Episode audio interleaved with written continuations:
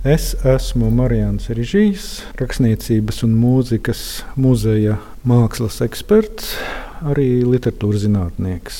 Vai jūs zinājāt, ka dzinieka Uža Bērziņa vecmāmiņas māsa Klāra Stakena agrā jaunībā bijusi dzinieka Edvarda Virzas mūza?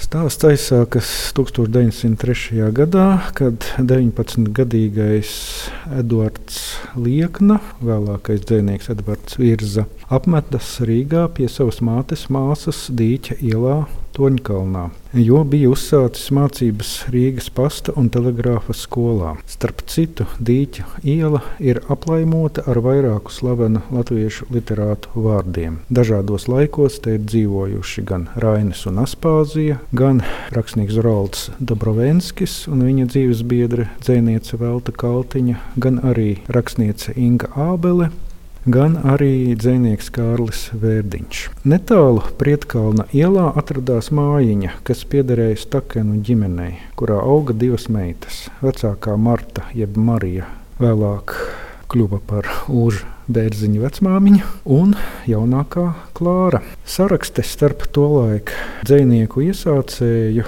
un jauno meiteni, kurai bija 16 gadi to brīdi, sākās 1907. gadā. Nereti virsmas rakstītās vēstules ietvēra tikai uzrunu prozā, un pārējais teksts bija veltījums dzējā. Sarakste turpinājusies desmit gadus.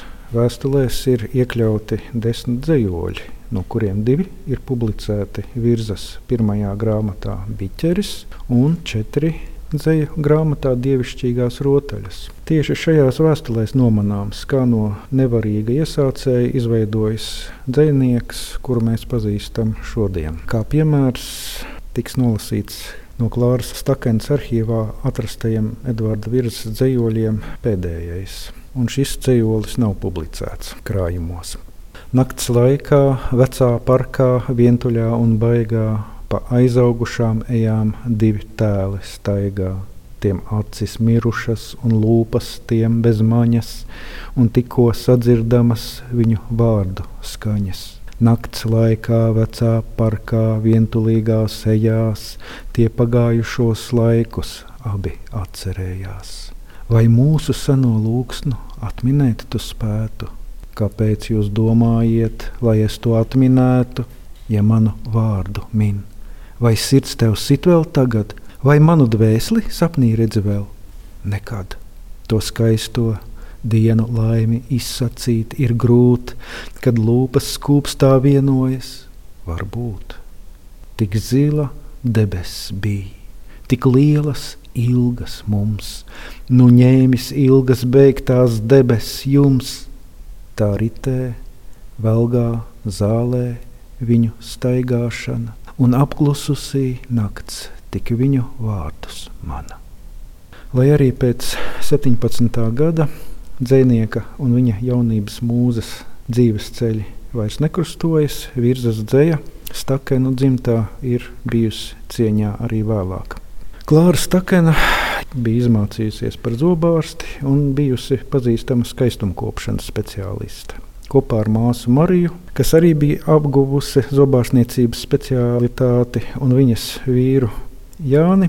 Visi trīs 32. gadā dibināja ķīmiski tehnisko laboratoriju Boseks. Barona ielā 26 bija arī firmas Boseks veikals, un pēc kara šī produkcija lieti palīdzēja Uža vecmāmiņai iztikt, jo varēja pārdot iekrāto produkciju, rūžu eļļu piemēram. Bērnību Ulris Bērziņš aizvadīja Baronielā 26. Plašajā dzīvoklī mita gan vecmāma, gan ūža māte, gan pats Uldis, un arī vecmāmas māsa Klāra Stakena ar savu dēlu Jāni. Pēc kara Klāra bija trešās poliklīnikas galvenā ārste, un tādēļ pati spēdam iekļauties padomju nomenklatūrā, Klāra Stakena ar savu stāvokli sabiedrībā un ar kontaktiem spējusi pasargāt arī savu māsu, Ūža Bērziņa vecumāti, no represijām un izsūtīšanām jo iemesls represijām bija vecmāmiņas vīrs Jānis Vītols 44. gadā Krievijam nākot devies uz Vāciju, jo viņu kā bijušo Latvijas armijas virsnieku, namīpašnieku un rūpnieku nekas labs pie Krievu varas negaidīja.